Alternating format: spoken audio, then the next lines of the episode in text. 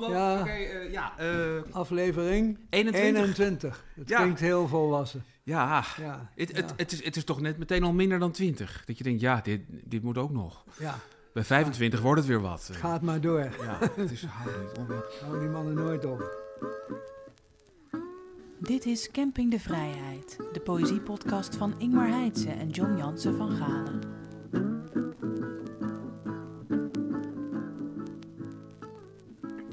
Ik weet niet hoe het met jou zit, maar ik ben ook echt heel moe. Want het is, het is dus net weer, de, de school is hier weer begonnen. Dus ik, Ja, ik heb dat zoals... natuurlijk allemaal niet mee. Nee, het is natuurlijk- dat, dat is helemaal uit je systeem, maar dit, dit is de... eh, dit- Dat is zelfs al een tweede, tweede keer uit mijn systeem. Want we hebben natuurlijk ook nog de kleinkinderen gehad. Dat is ook nog waar. Die nu ook alweer 17 en 19 zijn. Dus niet meer eh, naar de BSO hoeven en zo. Du- Dus, dus je wacht eigenlijk op de derde golf. Nou, dat, is- ik weet niet. Ik hoop dat te halen, ja. Maar dan ben ik wel wel aan de grens van de eeuwende gepasseerd. Maar ik, zie- ik zie het je wel doen ook, eerlijk gezegd. Oh ja? Ja, ja. Nou, dankjewel. Het laatste nieuws. Allereerst met weer Rudy Terhaar. ja Onze lange speurtocht naar Rudy Terhaar. Nog even releveren. De beroemde dichter van de uitvinding van de romantiek. Heet het gedicht luidende... De zon gaat onder, ik voel me bijzonder. En dan zijn we hier al een paar afleveringen op zoek naar... waar is Rudy Terhaar gebleven? Ja, Allemaal vage gegevens, eh, niets eigenlijk. Maar onlangs heeft de vrouw van Hans Vervoort, de, de, de schrijver Hans Vervoort, Maya heet zij, die leest alle overlijdensadvertenties. Heb je meer mensen van onze leeftijd die dat doen? oh ja. En die kwam een overlijdensadvertentie tegen van een Adrie Marx. Die naam herinner ik me goed. En die man ook wel vaag. Dat was een van de boezemvrienden van Rudy Terhaar. En onder die overlijdensadvertentie van eh Adrie Marx stond onder meer Rudy Terhaar. Nou, dat is het beste bewijs, zou ik zeggen, dat hij nog in leven is. Althans, toen die advertentie verscheen. Ja, Want er stond niet zo'n zo'n overlijdenskruisje achter zijn naam. Dus nogmaals de oproep aan iedereen: waar is Rudy Terhaar? Behalve in die overlijdensadvertentie Ja. dan. als u Rudy ter Haar eh, eh, kent of nog beter bent, stelt u zich in verbinding met ons. In de show notes staat wel een mailadres. We schijnen een mailadres te hebben. Ja, Ja, goed. misschien moeten we er eens op kijken. Eh, Oké, ehm, ik, ik heb eigenlijk een... eh, dat heeft te maken met die slappe tijd die toch eh, de zomervakantie is. Het is nog niet dat er echt vreselijk veel dingen gebeuren. Ik heb eigenlijk vooral nieuws van de maand... zou ik in dit geval willen omdopen eh, tot hoe is het eigenlijk met de vrienden van de show? Mhm. Eh, want inmiddels hebben we dus een aardige lijst van 20 mensen die hier al zijn geweest. Eh, en het is natuurlijk Oh, niet zo ja, dat die Te gast. te ja, gast. ja. En, en, en het is natuurlijk niet zo dat die stoppen met leven en werken als, als ze bij ons zijn geweest. Hoewel dat wat natuurlijk een hoogtepunt 21, hè, is. er was ook een paar bij. Ja, dat is ook nog waar. ja. Maar inderdaad, het zijn er al 21, kan je nagaan. Dus eh, ik, kan melden dat van Anne Broeksma, die inderdaad met eh, eh, Alexis de Rode te gast was, die had het al over dat boek over het gordeldier. En dat boek is inmiddels verschenen. Een verhaal met schubben heet het. De ondertitel is Zoektocht naar het vreemdste en meest bedreigde zoogdier op aarde. Ik weet nog dat zij hem ook heel goed na kon doen, Ja. dat gordeldier. Dat was een verontrustend geluid. Was het En wij vroegen nog hoe heet dat gordeldier dan, Ja. maar het heet gordeldier gewoon. Ja. Dus dat was ook, ja. Eh, nou, hier worden ze ook eh, omschreven als geheimzinnige boomdraakjes. Dus dat is wel leuk. Nou, in, in dat boek, het is een monument voor, voor dit zoogdier. En eh, ze vertelt dus over haar reizen over de halve wereld om dat beest een keer te zien te krijgen. Dus nou ja, dat is mooi. Verder, dat is nu nog niet uit, maar als u dit hoort misschien wel, Diewertje Mertens...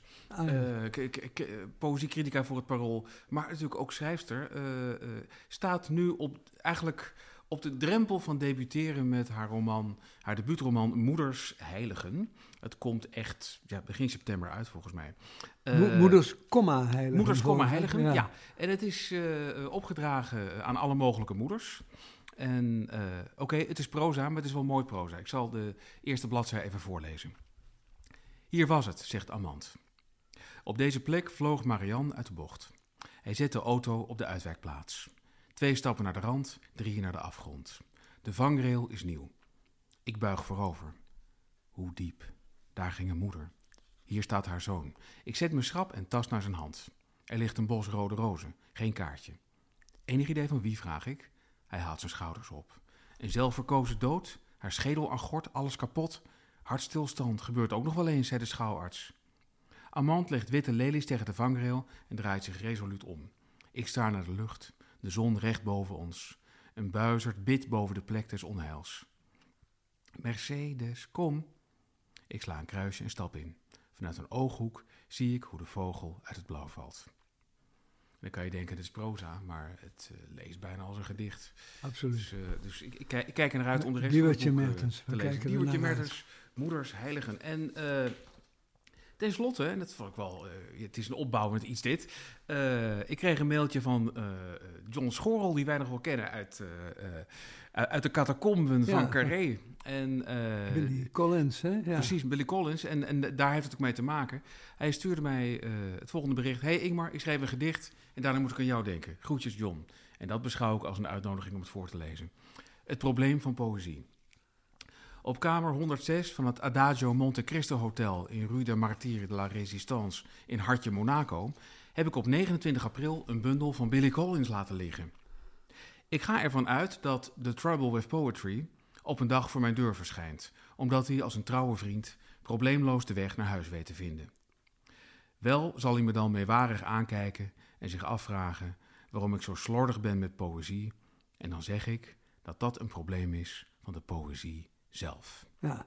Ja, Al dus John mooi, Leuk, heel hè? mooi, Ja, ja.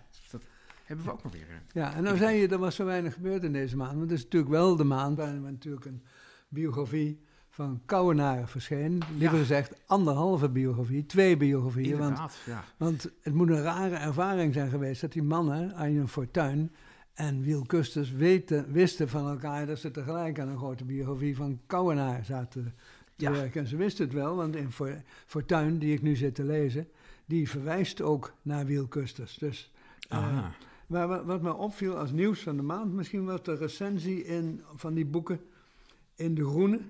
En daar schrijft een poëziekenner en criticus Lodewijk Verduin. Die schrijft, de pijnlijke revelatie van het boek van Kusters is hoe weinig bijzonder Kouwenaars vroege werk was. En dat vind ik een beetje oneerlijk, Ja. want dat vroege werk dat wordt ook uitvoerig geciteerd door eh Fortuyn. Alleen Ja. zegt hij er niet bij, zoals Kusters, dat het dus eigenlijk al een beetje bedenk, van bedenkelijke kwaliteit is. Meer, het is meer laten, lezen, laten lezer zelf oordelen. Ja. Hè? Dus, eh, maar ook daar bij Fortuyn vind je die gezwollen lyriek van eh Kouwenaar uit zijn eerste jaren als dichter, waarvan achteraf ja. De, de vraag voor de lezer is, die mensen, Kouwenaar en zijn generatiegenoten wilden zich dus keren tegen de lyriek van een vorige, vorige generatie, maar als je naar hun eigen vroege gedichten kijkt, dan wouden ze zich eigenlijk afkeren van, eh, van, van, van hun eigen jeugd, waarin Ja. ze dat... Zal, ik zal er eentje voorlezen, dan lijkt het Nou, me graag. Ja. Het openingsvers van de bundel Vroege Voorjaarsdag uit september 41. Stil, mijn zielen. Stil, mijn zielen, zwijg nu stil. Zoveel dingen zijn er om te wenen. De dode duiven in de duiventil, de tere bloesem rossen, rottend op de stenen. Stil, mijn zi- zielen, zwijg nu stil. Er moet een heel ver land bestaan, waar nimmer witte duiven kunnen sterven, waar nimmer bloesems vallen en vergaan. Alleen een dichter kan dat land verwerven, dat land dat heel ver moet bestaan. Stil, mijn zielen, zwijg nu stil. En luister na het ruisen van de regen en nieuwe doffers koerend in de til. De bloesemknoppen zwellen in de regen. Stil, mijn zielen, zwijg nu stil. En dit is voor Kouwenaar. Dat kun je, het is moeilijk, ja, is een Ja. begrijpelijke vraag. Ja. Een verwonderde vraag. Dit is inderdaad van Kouwenaar. Eh, prachtig. Ja, ik zie je, Nee, maar eh, dit is ik een jeugdwerk, kijken. Dit is een jeugdwerkje, dat ja, jeugdwerk. Ja, hij was 18. Nee, uit die biografie... En dan, dan je, je hoort het talent al, maar Ja. dit, dit heeft gewoon nog geen toon gevonden. Dat is het punt natuurlijk. Nee, het is of gewoon een- gewauwel. Maar Of een toon die wij niet willen. Ja, dat, dat kun je ook zeggen. Maar er- er werden in die tijd gewoon wel betere dingen gemaakt in die, Ook in die, stijl. trant. Ja. Natuurlijk wel. Ja. Maar, eh, eh, maar je ziet wel van, als je 18 bent en je kan dit, dan word je heus wel een dichter. Ja, dat is ook wel gebeurd. Maar het heeft ook niets te maken met een geweldenaar. Zijn vader Die die was er erg trots op in ieder geval. Ja, ja, oké. Dat, is ook, dat is ook mooi. Ja, Op zich vind ik dat goed. Als je ouders trots op je zijn, dat vind ik al, dat is al heel ontroerend. En die vader was namelijk beroemd. Was een heel vooraanstaand journalist van de NRC. Oh ja, dat is waar Ja. ook. Ja. David Kouwenaar. Ja. Maar dat, eh, je, het, het is niet zo leuk voor Wil Kusters, maar ik heb het idee dat iedereen het alleen maar over die bio- biografie van Arjen Fortuyn heeft. vreselijk. De ene, Ja. de ene heet dus eh, Men Moet. Ja, Eh, Men, speciaal geschreven Ja, en met onderkast, zo heet dat. Vind ik zo'n mooi woord, onderkast. ja mooi. Hè? Dus geen hoofdletter, maar Juist. onderkast. En die andere van Wiel Kusters, die heet, is ook een mooie titel. Morgen wordt het voor iedereen maandag. Ja. Morgen wordt het voor iedereen maandag. Dat is op zich een mooie dichtregel, maar dan denk ik, ja, men moet heb ik toch. Maar het, het, het, is een beetje flauw, want we hebben het er ook al over gehad, maar die, die biografie do- door Wiel Kusters, die houdt eigenlijk op als, Als, Kouwenaar als het dichter begint, wordt. Ja, die houdt op. Dus dat, dat, dat is toch een beetje, zeg maar, dat verhoudt zich tot de Hobbit als ja, The Lord of the Rings. Als, eh, hè? ja. Dus als je het zo bekijkt, dan denk je ook van... het- ja, het is, het is een beetje... Het, het, het, een beetje- het klinkt zo on- on- onaardig alsof ik Wiel Kusters niet, eh, Nee, niet maar alle het is- succes gun. Dat doe ik wel. Het is ook een beetje pijnlijk of het na deze golf nog, dat tweede deel, of de uitgever er nog zin in heeft. En of de kopers er nog zin in hebben, de liefhebbers. Dan moet je wel Ja. heel erg liefhebber zijn. De, de, de tijd zal erover oordelen. De tijd zal... Goed, eh, goed, goede slotsom, collega. Goede slotsom. Het gedicht van de maand. Ik heb er een van Daan Doesburg. En dat zegt zo, ik was in Stijl en dat ligt ten zuiden van Venlo, pal aan de, aan de Maas. Je kunt ook pal langs de Maas erheen lopen, is prachtig, door die uiterwaarden. En dan ga je met de pont over en dan loop je pal aan de Maas weer terug naar Venlo, waar wij logeerden. En dat Stijl, dat is een heel wonderlijk oord. Dat bestaat uit, geheel uit kloosters en missiehuizen en oude kostscholen. Want dat is een soort, soort Vaticaan aan de Maas. Dat is ontstaan na 1870, toen even geschiedenisles. Bismarck voerde de cultuurkamp. Die wilde dat de katholieke kerk een toontje lager zong en minder invloed kreeg. En toen zijn heel wat van die, van die eh, kloosterorden en congregaties zijn Duitsland ontvlucht. En vijf daarvan maar liefst zijn neergestreken in stijl. En dat bestaat eh, dus nog altijd, die, die katholieke enclave daar, met een feerieke botanische tuin. Want het waren allemaal missionarissen die dus uit de tropen ruimschoots eh, planten mee naar huis konden brengen. eh, botanische roof eigenlijk. En eh, die heette Joachim, Joachimshoofd. En iemand bedacht dat het mooi zou zijn daarin gedichten aan te brengen, de stijlse sonnetten. En daarbij is er één, die heb ik even overgeschreven, van Daan Doesburg. Elke dag is een scheepje dat voor goed vertrekt. Gelaten zie ik het gaan. Een mens is een haven. Gaandeweg leggen mijn dagen vaker aan in vreemde oorden. Verleden heersers bouwen vloten op. Dan is de dag een oceaanstromer. Wij reserveren ons grootste dok. De diepgang is onpeilbaar en zwaaien naar de krimpende schoorsteen. Dan is de dag een papieren bootje dat nauwelijks de havenmond verlaat, water maakt en naar de kelder gaat. Het deert me niet. Elke dag is een bootje dat scheep gaat. Daan Doesburg. Ja, en van Daan Doesborg kan ik nog melden dat er, dat er hard wordt gewerkt aan zijn eh, eh, bundel die uit gaat komen bij Van Oorschot. Oh, Hij is, hij is nu bezig om, eh, in een kwetsbare fase bevindt hij zich. Namelijk, hij gaat nu alles printen en dat op de vloer leggen en dan heen en weer lopen daartussen Ja, ja, ja, om dat in een soort volgorde te krijgen. En dat Oké. is, een, is iets krankzinnigs. Ik heb dat ook een aantal keren in mijn leven Ja. moeten doen. En dat is bijna geen doen natuurlijk. Nee, je wordt nee, helemaal gek. Ja. Je, je, je, je probeert iets wat niemand kan, namelijk een hele bundel in één keer te overzien. Ja. Dus dat is eh, pittig. On- on- ondertussen, ik ben een beetje eh, warrig, want ik zie dat er twaalf berichten van Thomas Mulman, onze gast, zijn. Ik, ik zal dat eventjes voorlezen, want dat is op zich wel leuk. Zit in trein die stilstaat. Voorlopig rijden we niet door, omdat er op Sloterdijk iemand schijnt rond te lopen met gevaarlijke stoffen. Ik hou jullie op de hoogte. Dat is dan één minuutje later. We lijken weer te rijden. Dat is dan vijf minuten later. En rijden gewoon lekker door. Nu in Amsterdam-Amstel. Zal ietsje vertraagd zijn, maar hopelijk niet enorm. Over elf minuten aankomst op Utrecht Centraal zal daar kijken welke bus handigst. En dat is om half drie. Dus het- ja, het is, het is heel spannend. We gaan Ja. zien wanneer we hem... eh, dus dat, dat, dat, dat was geen gedicht, maar gewoon even Nee. eh, eh, over, over de helle, hellevaart van Thomas Mulman hier naartoe. Ehm, mijn gedicht van de maand is een oudje van Hans.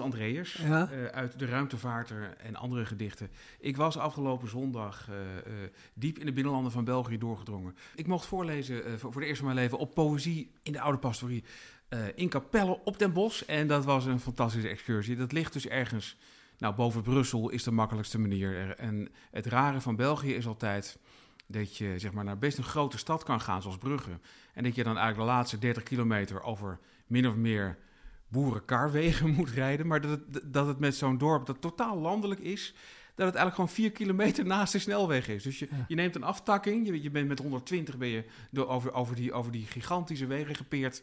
En dan maak je een paar bochtjes en opeens is, ben je In, gewoon in the middle of nowhere. Ja, en, Ja. Daar, en dan tuf je naar een klooster en er staat een man in een geel hesje die zegt, gaat u daar maar staan. Dan vind je een speciaal bord parkeerplaats gereserveerd voor dichters. Ach, nou, Beschaafd land. dat heb je hopelijk gefotografeerd. Ja, zeker. Dat heb ik gefotografeerd. En dat, ja, dat maak, ik, maak je alleen maar daarmee. Ja. Ehm, dus nou, voorlezen, dolle boel. Eh, en er was een antiquair, en die, eh, een boekhandelaar.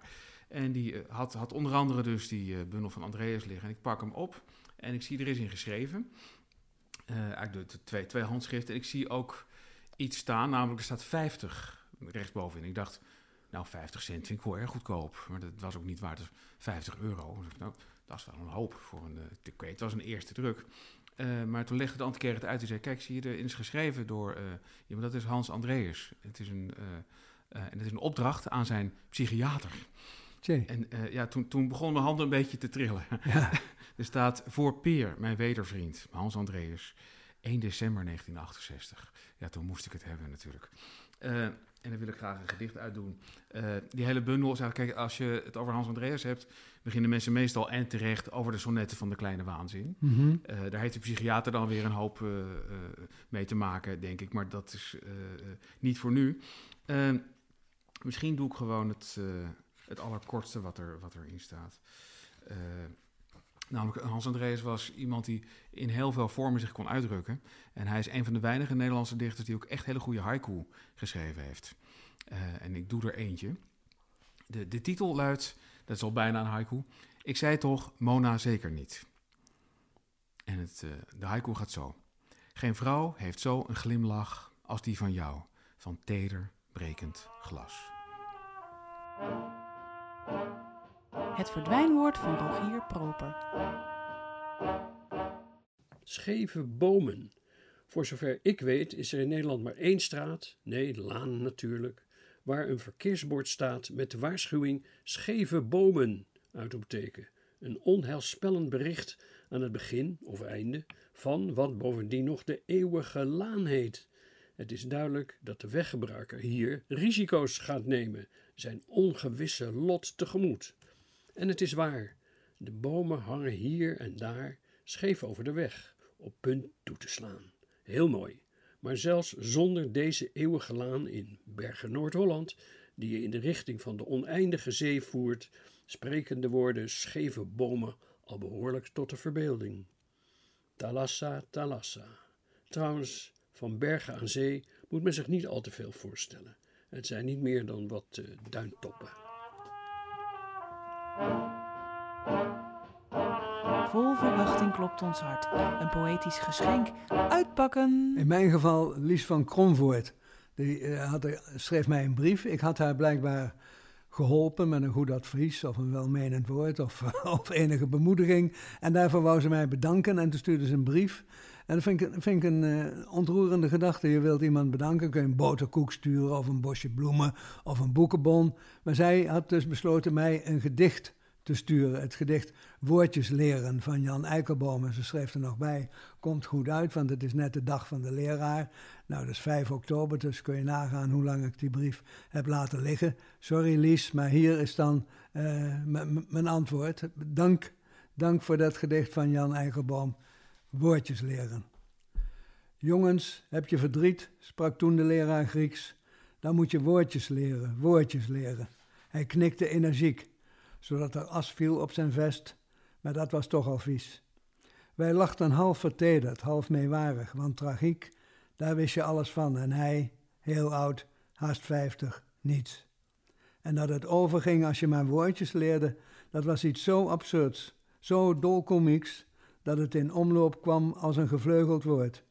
Het klap wiekt nu verdrietig om mij heen, omdat ik later woordjes leerde, waarmee je het monster kunt bezweren, en ik hem niet meer zeggen kan, hoe ik soms naar die stem verlang, naar dat onhandige advies.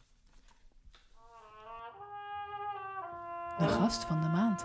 John en Ingmar praten met een coryfee uit het land van de poëzie. Welkom, Tim Meulman. Dank je, dank je. Hoi. En zou je willen beginnen met een gedicht, dan weten we wat we voor vlees in de kuip hebben. Op Ja. poëtisch gebied. hè? Dat is goed. Ja, dat hoort erbij. Dat is het koffiezetapparaat. Wat een gezellig ding. Ja, Ja. Ik, ehm, het, ik wil een oud gedicht voorlezen om te beginnen, omdat, Ja. eh, omdat ik de laatste dagen heel veel aan mijn moeder denk. En eh, voor haar een eh, gedicht uit een tweede bundel was dat toen, 2009. Eh, dat ik altijd gebruikte om eh, aan het publiek mijn moeder een beetje voor te stellen. Hoe heet die bundel? De bundel destijds heette Kranen Open. Ehm, en dit is mijn moeder. Moeder, kom uit de boom. Met je draadje en de hele dag geen mens gesproken, geen vogel gestrikt en op tafel binnen twee lege borden. Twee warme glazen zonder wijn en hier je arme stoel, helemaal zonder jou zie je wel, dus kom uit die boom, lieve moeder. Uit de schoorsteen geen rook, onder de ketel geen vuur. En de geit tot de rand toe gevuld knabbelt bij de drempel aan het kleed. En de kip is erbij gaan liggen als een droog boeket. En toen ik de vaas liet vallen, vloog overal de splinters in het rond. En in mijn mond wordt het alleen maar zoeter en het zwiept en kraakt al om je heen onder de volle lucht. Dus kom maar, moedertje, uit die boom. Met je draadje en je blikjes. Met allebei je benen. en eh, in welk jaar is die bundel verschenen?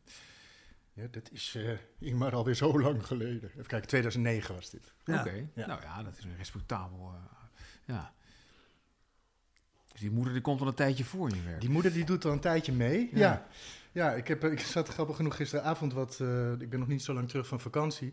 Ik zat wat door mijn paparassen te rauzen... eh, om weer wat orde te scheppen in mijn werkkamer en zo. En zag een van mijn nieuwste gedichten waarin ze ook weer langskomt.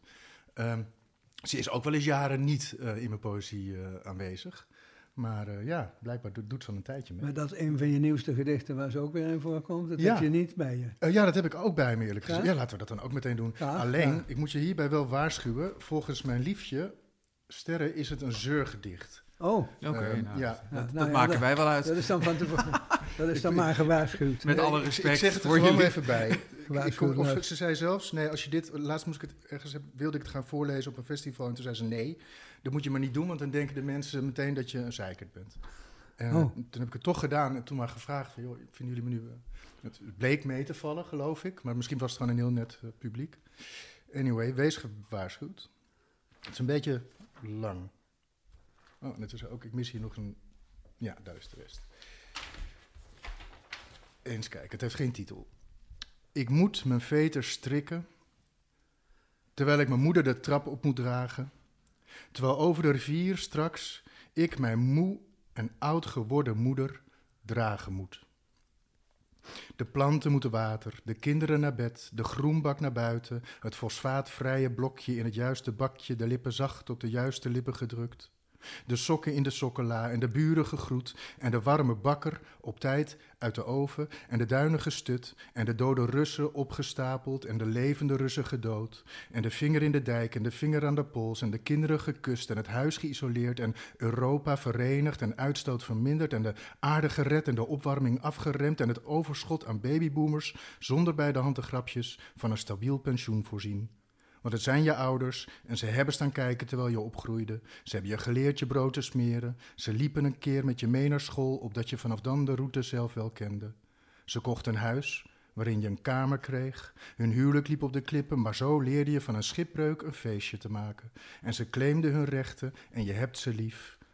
Maar de deadlines hebben weinig geduld. Die hypotheek is een trage slapstick, inflatie vreet de supermarkt leeg. En het is er gegund hier niets van te begrijpen. Maar de wereld waarin hun kleinkinderen volwassen mensen worden, is niet de wereld waarin zij leven. En dat is geen mop, dat is in elk geval niet een grootse ramp.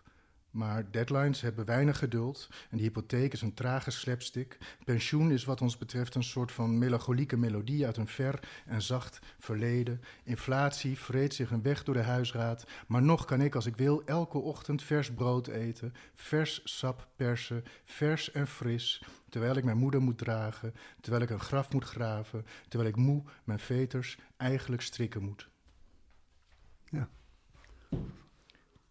Ik geloof niet het een. Zeurgedicht, ik net Nee. vragen. Nee. Ik, ik zelf- vind, zelf daar hoort te veel humor in zitten ook. Ja, Ja, het is meer dat ik soms moet uitkijken. ehm, en dat is denk ik gewoon een leeftijdding. Eh, eh, ik moet heel erg uitkijken zodra ik het woord babyboomer gebruik. Dat is Ja. een beetje. Dus ik moet daar niet te gemakzuchtig eh, mee omspringen. Waarom is dat een leeftijdding? Omdat je bijna zelf babyboomer bent? Nee, toch? Nee, nee, ik zal nooit babyboomer worden. Want wat mij Nee. betreft zijn babyboomers mensen die zeg maar, vlak na de oorlog die paar jaar Tot geboren 54 geboren zijn. Exact. Ja. En die eh, met heel veel eh, zijn en waren. Ja. Ik ben het ook niet, want ik ben er weer te oud Jij bent voor. ervoor. Ja, ja, zo zitten we er mooi omheen. Ja. Maar, maar het is ook niet alleen maar uit een soort beschaafdheid, maar ik weet ook dat ik een beetje kan gaan zeuren als ik te lang, als ik te lang over babyboomers heb. Dat is het een beetje. Oh. En dat, ehm, terwijl dat ook gewoon hè, mensen zijn. Eh, naar het schijnt. Nou, Ja. maar vol- vol- volgens mij moet je de babyboomer niet met het afwaswater weggooien. Het is goed dat je weet dat het een stokpaardje is. Dus Ja. het is ook goed dat je erop gewezen wordt Ja. door iemand die genoeg van je houdt om dat te doen. Nou, precies. Eh, heel belangrijk natuurlijk. Maar eh, volgens mij is dit een goed voorbeeld van een gedicht. Niet dat ik het nou wil gaan zitten duiden, want ik hoor het voor het eerst en weet ik veel verder. Maar eh, dit is een kwestie van doseren. En, en eh, ik geloof dat stokpaardjes en wat we maar zeurdingen zullen noemen... wel degelijk in een gedicht hun, hun rol kunnen hebben. Als je ze, hebben, ja. ja. Eh, plus dat ik het heel interessant vind om een vroeger gedicht over je moeder... en dit naast elkaar te zien. Ja. Mhm. Dat, daar zit gewoon een, daar zit een half leven tussen. Ja, niet helemaal in tijd, zit een generatie tussen ongeveer, Ja. hoe snel uitgerekend.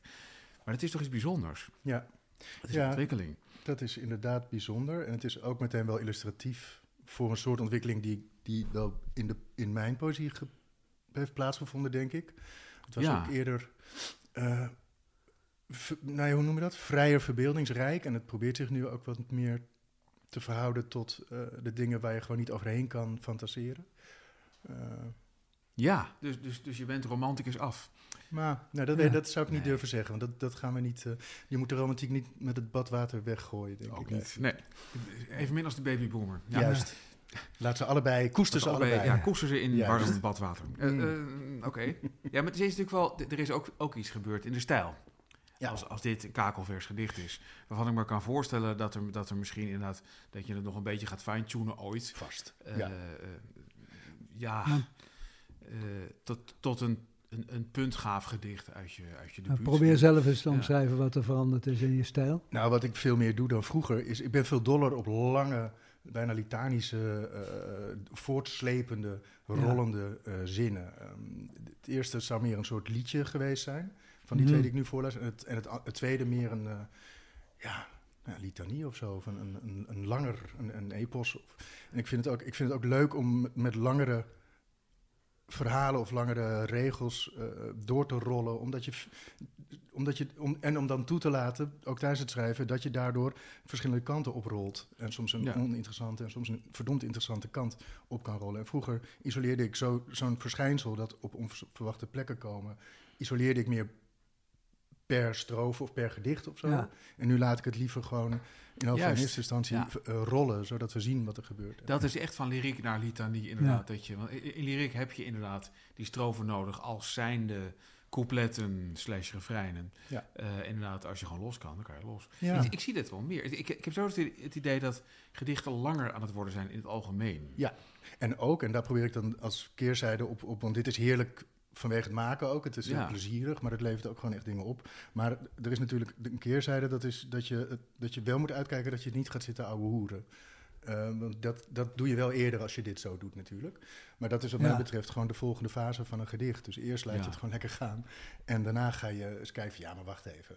Hier Ja. heb je het over je buurvrouw, maar dat hoeft eigenlijk helemaal niet. Laat die maar, er, eh, weet je, laat maar zitten. Ja. Dit is eigenlijk niet zo boeiend, deze hoek. Eh, Gaat dat nog gebeuren met dit gedicht? met deze weet ik het eerlijk gezegd nog niet. Eh, ik vind hem, ja, behalve dan eh, de, het voorbehoud dat ik van tevoren erbij gaf, vind ik hem wel lekker vooralsnog. En ik zie niet precies waar het weg moet. Ik heb een ander wat lang gedicht dat vrij vers is, waarbij ik wel denk, oh ja, dat, eh, dat stukje, d- daar moeten we nog wat mee. Of dat moet er gewoon uit als we er iets goeds mee, ja. mee gaan doen. Ja, Ja. ja. Maar Ja. ja. maar ja, dus het verschil zit hem denk ik daarin. Ja. Dat is een interessant verschil, vind ik. Omdat het ook deels tijdgeest is, Ja. waar niemand aan kan ontsnappen. Ik merk het zelf namelijk ook als ik zit te schrijven. Ik maak ook enigszins een, een, eh, een ontwikkeling door die een beetje deze kant op lijkt te gaan. Mhm. Dat is voorzichtig, dat is moeilijk om te zeggen. Sowieso altijd lastig om het over je eigen ontwikkeling te hebben. als je er middenin zit. Ja. Ja, want die, die, die, die is, die, die is eh, dat, dat, dat zou je met me eens zijn, die is descriptief van aard. Het is niet van, en nu ga, wil ik dit soort dingen gaan schrijven. Maar Mhm. gewoon, je kijkt om en kennelijk maken Ja, is het dit. zo gegaan? Ja. Dat is er gebeurd, ja. Ja, ja, ja. Ja, dat is, dat is heel grappig dat je dat zegt. En dat is ook. De- Het is wel zo dat ik nu even een tijdje weinig echt nieuwe dingen geschreven heb in poëzievorm. ja. Waardoor ik wel ook iets beter kan kijken naar van, oh, waar was ik eigenlijk precies? Ik ben eigenlijk net Ja. nu sinds een paar maanden eh, voor het eerst weer aan het kijken van, oh, wat was ik aan het doen? En wat voor bundel wil ik nu bijvoorbeeld eigenlijk maken? Waar ben ik mee aan de slag op dit moment? Eh, om ook weer terug te komen waar ik was. ja. Heb je wel nieuwe dingen geschreven in andere dan poëzie? Ja, ja wat, me, wat me een maand of acht van de, ge- van de gedichten afhield was... ik raakte ondergedompeld en verzeild in een, eh, een nogal groot AI-project. Oh ja? Ik schreef voor een, voor een virtual reality eh, kunstenaar... Ja. eh, schreef ik allemaal tekst die hij nodig had in de soort van het game-universum waarin hij eh, prachtige dingen had gemaakt. En het, was, het is een heel mooi universum, het is echt fantastisch. Ehm, eh, Daniel Ernst heet die, heet die Mhm. jongen. En hij, eh, hij heeft bijvoorbeeld eerder met Moot van Howard ook Oh, ja. samengewerkt. En hij heeft ook een, volgens mij een Gouden Kalf voor een VR-filmvertoning ge- gewonnen. Maar nu heeft hij dus een soort nieuw universum geschapen. En daarin is een soort Jomanda-goeroe-achtige vrouw. eh, is, eh, zwaait daar de scepter, hoewel ze niet stoffelijk aanwezig is. Je hoort er alleen maar. ja. En alles wat je hoort eh, is, eh, is zijn oraties en verhalen van haar aan jou.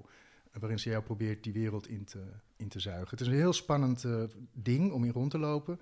Maar er moest dus heel veel tekst voorkomen. Ja. Dus ik heb me echt een paar maanden helemaal blauw zitten schrijven aan de Jomanda-achtige zen-meditaties en oraties. eh, Oké. dus ik ben eigenlijk volkomen in de war sindsdien. Ja.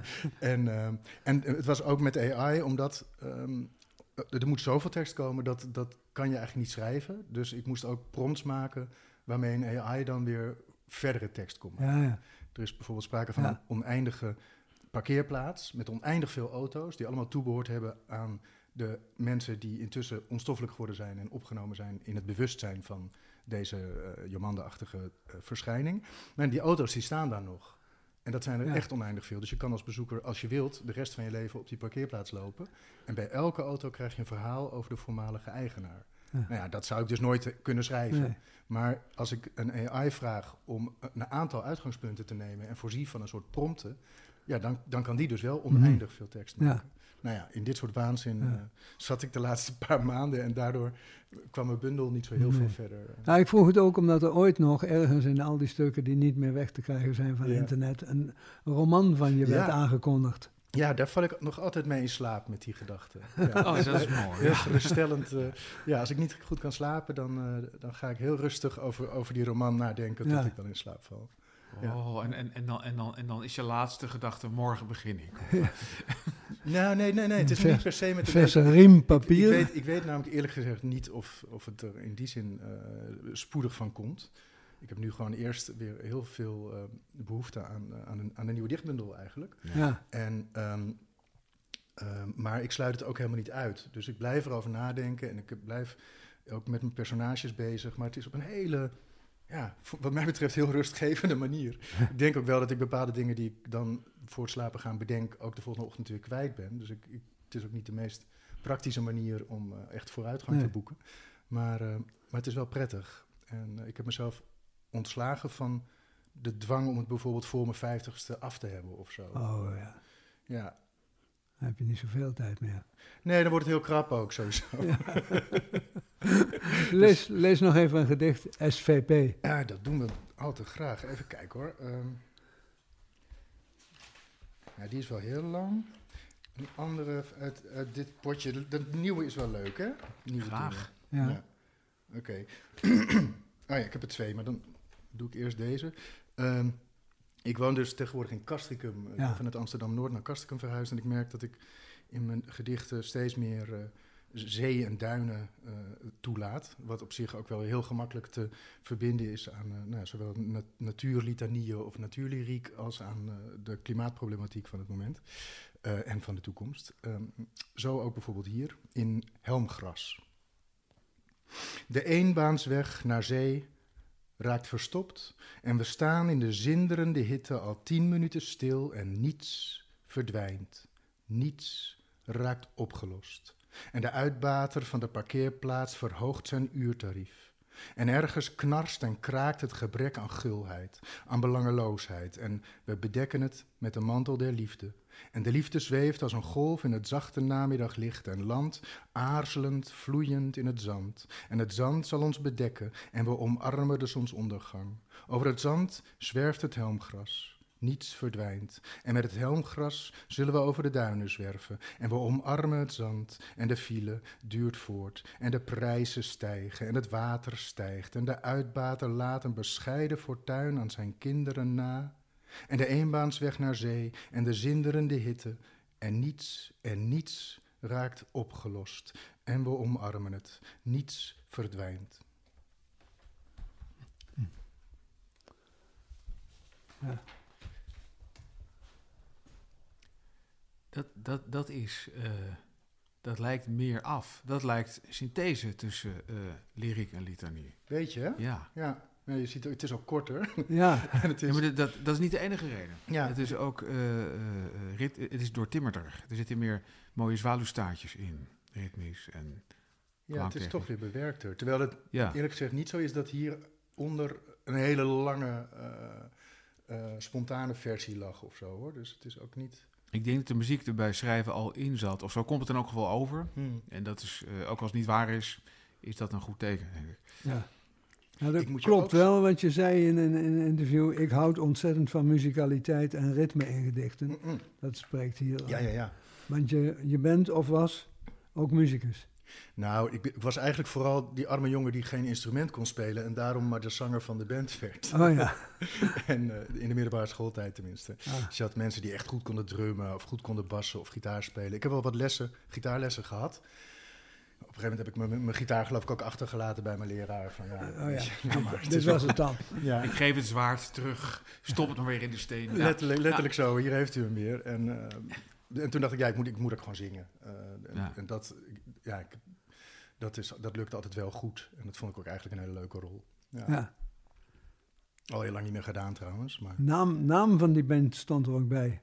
Terrestrial Pissings. Territorial Pissing. Ah, Territorial, dat allemaal nummer van zeggen. Nirvana, Klopt, ja, precies, naar Ja. Nirvana. Dat was ook heel leuk, Ja. want ik zat op het Baars Lyceum en dat was natuurlijk een voortreffelijke ja, school voor bevoorrechte kinderen. Ja. Ehm, ehm, met de- financieel bevoorrechte ook, hoewel er ook gewoon eh, ja, eh, gemiddelde, gemiddeld bevoorrechte kinderen op zaten, zoals ik. Maar het was een vrij nette school. En, eh, maar we hadden een beentje en dat eh entte zich heel erg op eh, punk. We speelden ook liedjes van Kikkerspuug bijvoorbeeld. Ja, En, ja, Kikkerspuug. Ja, Weet- dat weet je toch wel, dat ik met Thomas van Straten, de zanger, in de garagedichters heb gezeten. serieus? Ja, dat nee, is wist ik helemaal niks van. Het is de enige punkzanger die eh eh opera-zangles heeft gehad. Ah. En daardoor zijn stem nog ongeveer heeft. Die heeft gewoon goed leren zingen. Ja, Technisch, Ja, Ja, is dat- geweldig. Ja. Dat is puur toeval dit. Kikkerspuug, Ja. ja. Met Ja, nummers als Ruud Lubbers, Bach. Ja, het is een beetje zoals Hang Youth nu, hè, eigenlijk. Ja, eigenlijk wel. Ja, Een, een mooi, hoor. voorspook inderdaad Maar daarvan. ook slimme tekst, zeg Ja, maar. absoluut. En, eh, ja, goede grappen. Maar goed, en Nirvana dus. En het was heel grappig, want we, hadden, we gingen toen spelen op, eh, op school. Ehm, want we- een van de voordelen van die school was, we hadden een hele mooie aula met echt alle te- eh, podiumfaciliteiten die je nodig had. Dus je kon, eh, weet je, als je toneelstukken wilde maken, kon je toneelstukken maken. En als je bandje wilde zijn, dan was je een bandje. En dan was er af en toe een avond waarop je kon gaan spelen en met publiek. En toen wisten we van, oh, dan en dan gaan we spelen. En toen hadden we net een nieuwe band gehoord. En dat was Nirvana. En we dachten, nou, dat is fantastisch. Dat gaat de hele school ruk vinden. En dan gaan we... eh, Ja, want jij was 16 toen Nevermind uitkwam. Ja, heb ik net precies. even opgezocht. dat was echt Ja. Nevermind toen inderdaad. Ja, en, eh, ja. en toen dacht ik, nou, toen zijn we heel snel eh Smells Like Teen Spirit gaan leren. En ik, het is onmogelijk om te zingen, eerlijk gezegd. Dus ik deed het ook, geloof ik, wel heel slecht. Ik heb het ook maar één keer echt live gedaan. Echt verschrikkelijk lastig. Ik, heel knap hoe dat gezongen is. Maar ehm, we dachten dus van, oh, dan hebben we iets waar iedereen helemaal van omvalt. Alleen de, de, de opmars van Nirvana, de, hoe, hoe snel het populair was geworden, ging zo rap dat we dus gingen repeteren. Vrij kort, gingen optreden. En in die tussentijd was het van volkomen ons geheim uitgegroeid Ja. tot dat dat een iedereen hype. gewoon Nirvana leuk vond. Het was een kwestie Eh, van weken. ja, inderdaad. echt Ja. was zo snel. We konden ja. dat liedje niet sneller leren dan dat Nirvana eh, zo populair werd. Dus dat was eigenlijk een beetje... Ja, het plannetje was niet helemaal goed gelukt. Maar goed, het optreden werd, ja, stuitte dus wel op meer herkenning. Het was overigens Ja. wel grappig. Er was ook een jury bij. Eh, want dit was, we hadden een soort voorrondes op een soort intelligente, artistieke Ah, eh, wedstrijden. En die voorrondes die vonden dan dus in school plaats op het gebied van toneel en beentjes en zo. En er was natuurlijk ook een jury bij. En bij deze herinner ik me heel goed dat Alexander Pola een van de juryleden was. Ach, Ja, en uh, de dat oude die, eh, Alexander de Pola. grunge-kenner Ja, van. Nederland. ja, voor de luisteraar, dat is de, was, hij was de schrijver van CSA, toch? Eh, nee, hij, hij, hij was sowieso een van de mensen die in force majeure zaten. Oh, Ja. ja. Eh, En, en, en, en, en daar ook veel voor schreef. Ja. Vice Majeur. Hele ja. goede grappen ook geschreven. Hele, hele goede teksten ook. precies. Dat was fantastisch. Ja. Ja, En ik, eh, ik weet En niet de vader van andere- Clary Polak, hè? was hij. Ook Ja. nog. Ja, ja, ja. Ja, dat wist ik dan weer niet. Dat kan, je, dat kan je toch veel doen in een leven. Ja, Pola. nou ja, nou, hij heeft ook. Hij had die K weggelaten, hè? Ja. Ja. Maar ehm, het was wel zo dat ik me hem herinner en de andere twee juryleden niet, omdat hij eh, tijdens ons optreden eh, echt met zijn handen tegen zijn oren en zijn gezicht naar beneden gekeerd zat te wachten tot, tot we klaar waren. Laat dit voorbij zijn. ik kon het natuurlijk heel goed zien, want ik stond echt recht voor zijn neus. Dat, Oh, geweldig. was een Maar, mooi maar, beeld. maar het was een wedstrijd. He- Heb je toen ook, ook, ook de prijs gekregen van... Hier heb je de prijs als je, als je maar Als je nu ophoudt. doe dit nooit meer. Nee, nee, we zijn eh, gewoon heel vriendelijk bedankt voor onze diensten, maar geen kans op de, op de beker Ja. toen. Nee.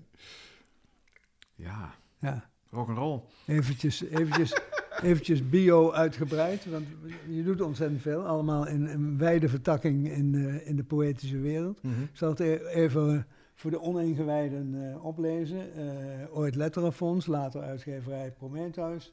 Medeoprichter van literairnederland.nl, de Brockway-prijs voor Poetry Translators, de Awata Poëzieprijs, de Amsterdamse Dichtersmarathon.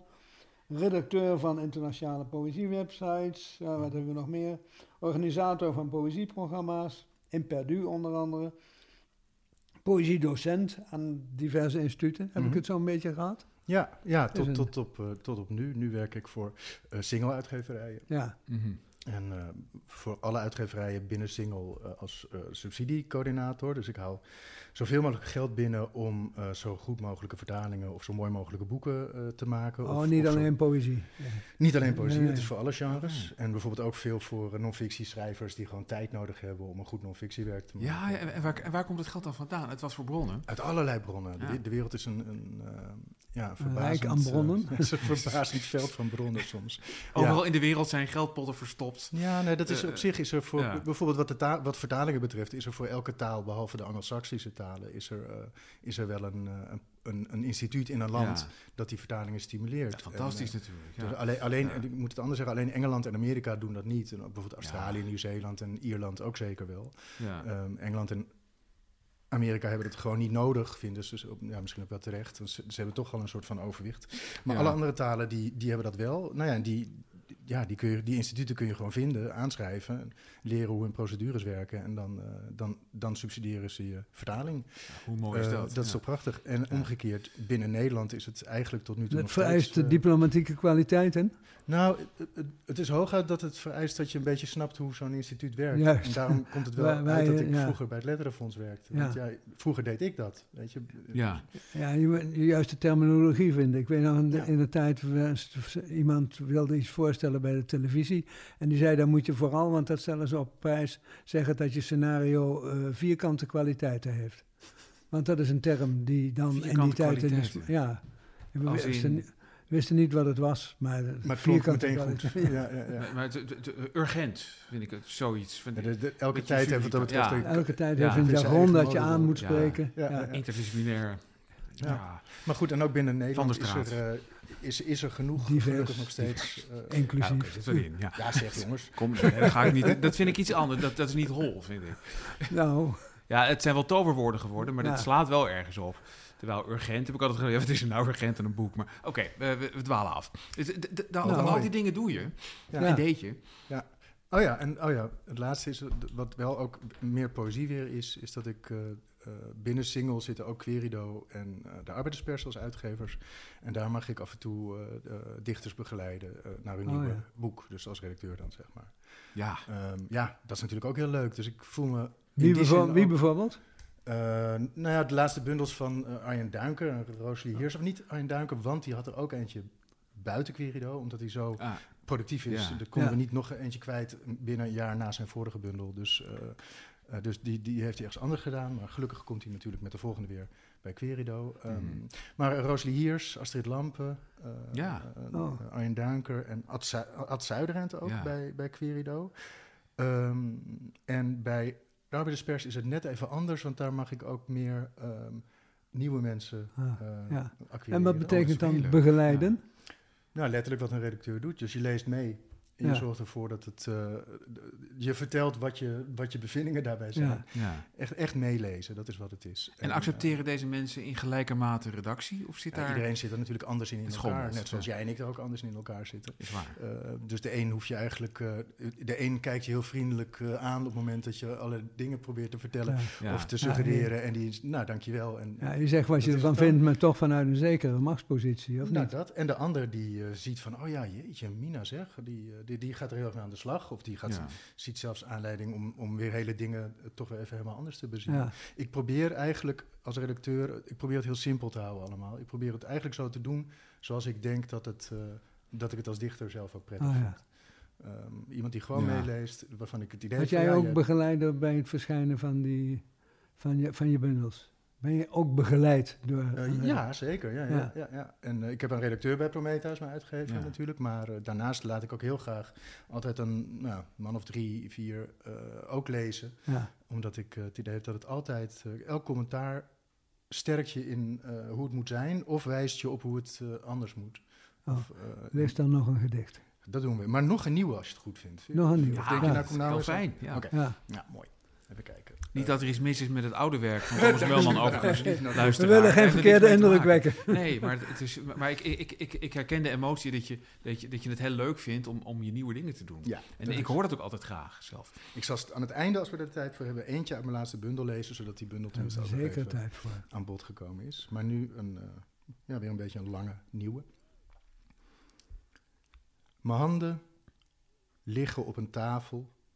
Ze wijzen elkaar de weg. Alles is hier en alles is hier te gast. En de ziekteverzuimstatistieken zingen.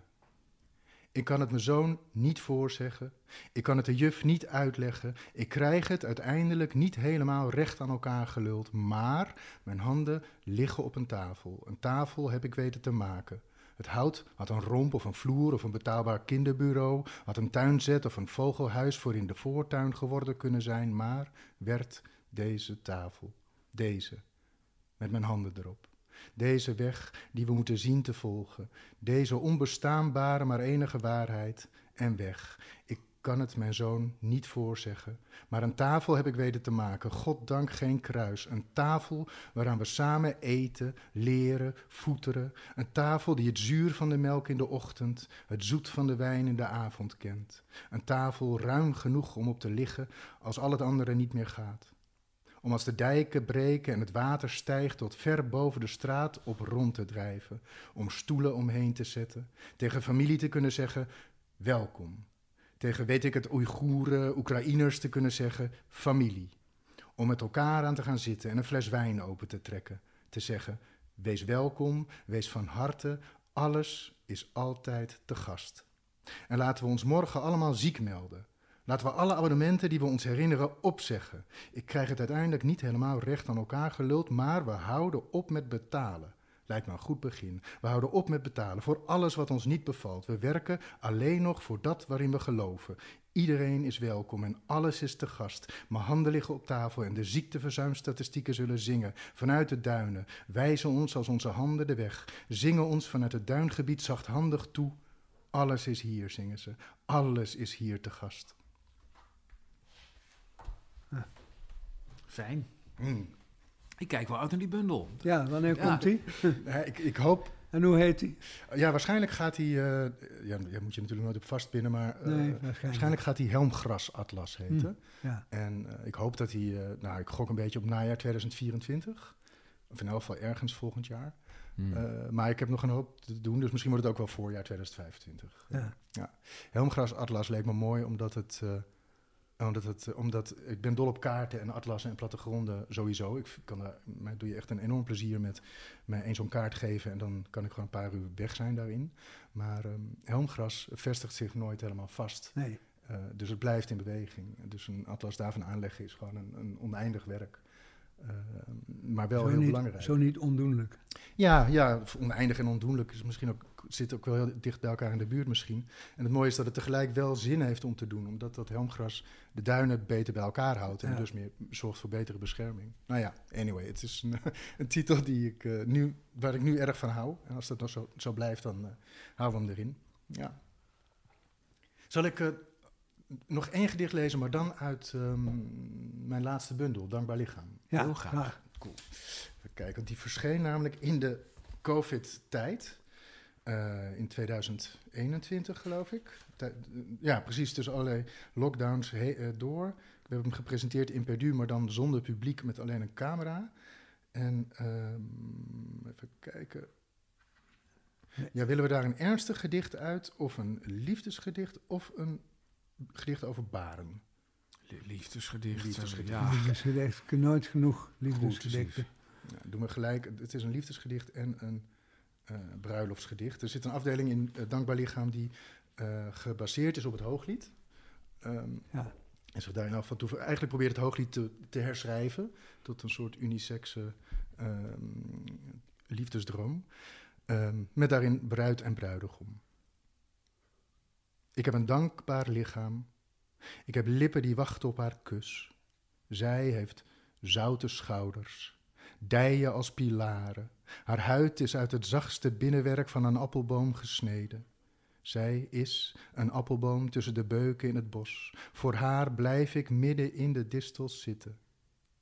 Ik wil het veld zijn waarin zij kan gaan liggen. Het gras dat haar stut. Mijn klaverblad lispelt haar tot rust. Ik heb een dankbaar lijf, lippen die wachten op de hoefslag van haar kus. Ja. Ik moet spoorslags huiswaarts.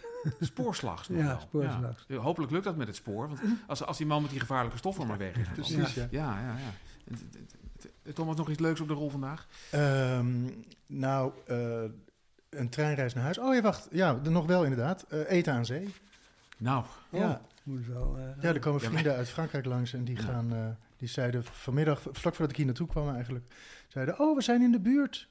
Eh, zijn jullie er ook? En Sterre was op dit moment bezig het academisch jaar te openen... met mijn Ja. lief in eh, Amsterdam. oké. En ik ging hier zijn. Dus we zeiden, nee, we zijn er niet. Maar kom vanavond, dan zitten we aan zee. Dus dat gaan we lekker doen. Ja, Eten aan zee. eten aan zee. Och, Ja. dat wil ik ook. Nou, ik ga stofzuigen. Tot de volgende keer allemaal. Dit was Camping de Vrijheid. Namens Ingmar Heidse en John Jansen van Galen.